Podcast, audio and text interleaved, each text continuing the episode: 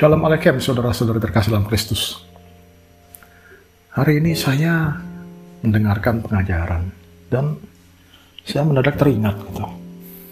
Banyak orang yang dalam masa-masa lockdown ini merasa mengalami kebuntuan jalan gitu. Oh, usaha saya nggak jalan, hidup saya mampet ya, pokoknya semuanya macet, macet, macet dan merasa Tuhan tidak mampu menyelesaikan masalahnya saya cuma ingin bercerita ya. Tuhan pasti mampu. Oke, okay? dia maha kuasa. Jangan pernah membatasi Tuhan. Yakin aja. Tuhan, ya. Saya mohon bantuanmu dan aku terima bagaimanapun caramu. Ini kuncinya nih, bagaimanapun caranya ya. Karena caranya Tuhan itu bukan cara manusia. Dan ini sudah dibuktikan berkali-kali ya Tuhan kita itu dan ini berulang-ulang ditunjukkan oleh Tuhan kita. Oke? Anda ingat keluarga Yakub Israel masuk ke tanah Mesir, ya. Dan di situ di tanah Gosen di Mesir mereka selama 400 tahun dari mulainya 70 orang lebih dikit, 72 ya kalau saya nggak salah ingat.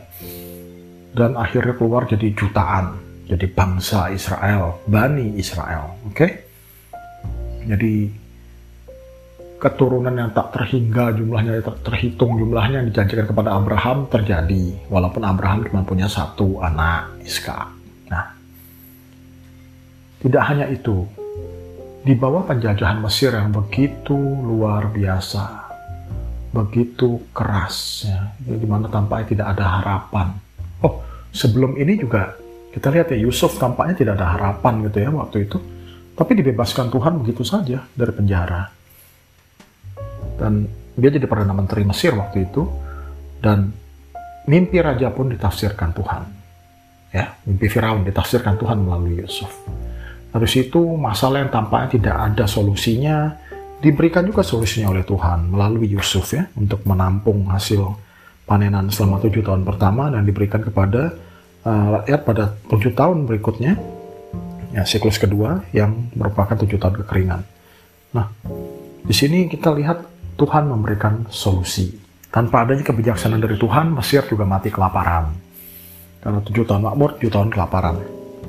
Lalu tadi ya, di bawah penjajahan keras, bangsa Israel, ya, Bani Israel ini tidak tahu bagaimana cara bisa bebas. Tetapi Tuhan membebaskan dengan tulah-tulahnya ya, dan dipimpin oleh pemimpin mereka, yaitu Musa. Nah,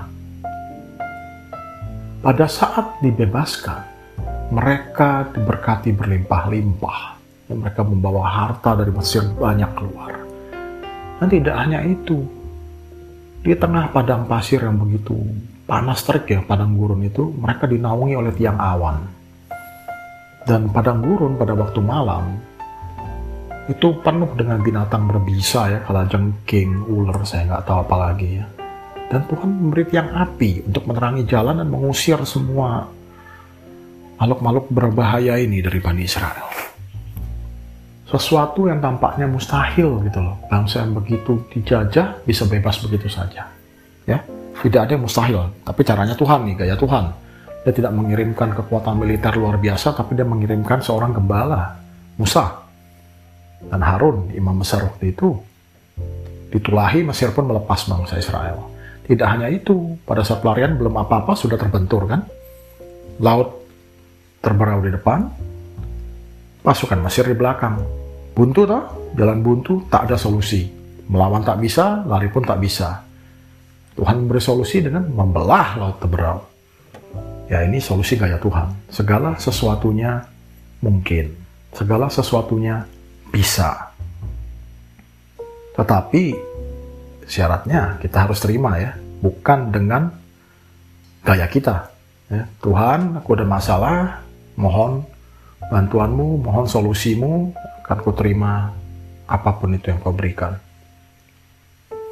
Kalau kita mohon, nah, Tuhan, ya, saya, bisnis saya masalah nih sekarang nih, tolong lancarkan lagi penjualan saya. Ya, mungkin tidak akan pernah dijawab ya karena memang bukan mungkin bukan itu yang Tuhan inginkan gitu, yang ingin dia lakukan, yang ingin dia berkatkan kepada kita. Ya kayak tadi kan, Tuhan tolong usir Mesir atau apa gitu. Ternyata Tuhan memberinya lebih kan. Laut dibelah, ditunjukkannya mukjizat yang begitu dahsyat, tidak cukup di situ. Pasukan Mesir yang mengejar pun ditenggelamkan. Sehingga bangsa Israel ini bisa melihat, oh penjajah kita itu ya, ternyata tidak begitu dahsyatnya bisa dimusnahkan Tuhan gitu.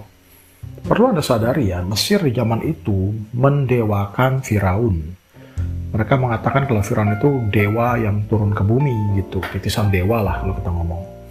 Jadi mereka mengatakan kalau bangsa Israel itu budak dan tidak akan bisa menang melawan Mesir. Nah, jadi ada suatu konteks di mana Mesir itu mustahil untuk bisa dikalahkan. Ya, karena kami adalah keturunan dewa. Nah, di sini Tuhan menunjukkan kuasanya dengan memusnahkan Mesir yang konon keturunan dewa. Ternyata nggak ada papanya tuh. Nah, Tuhan lebih berkuasa.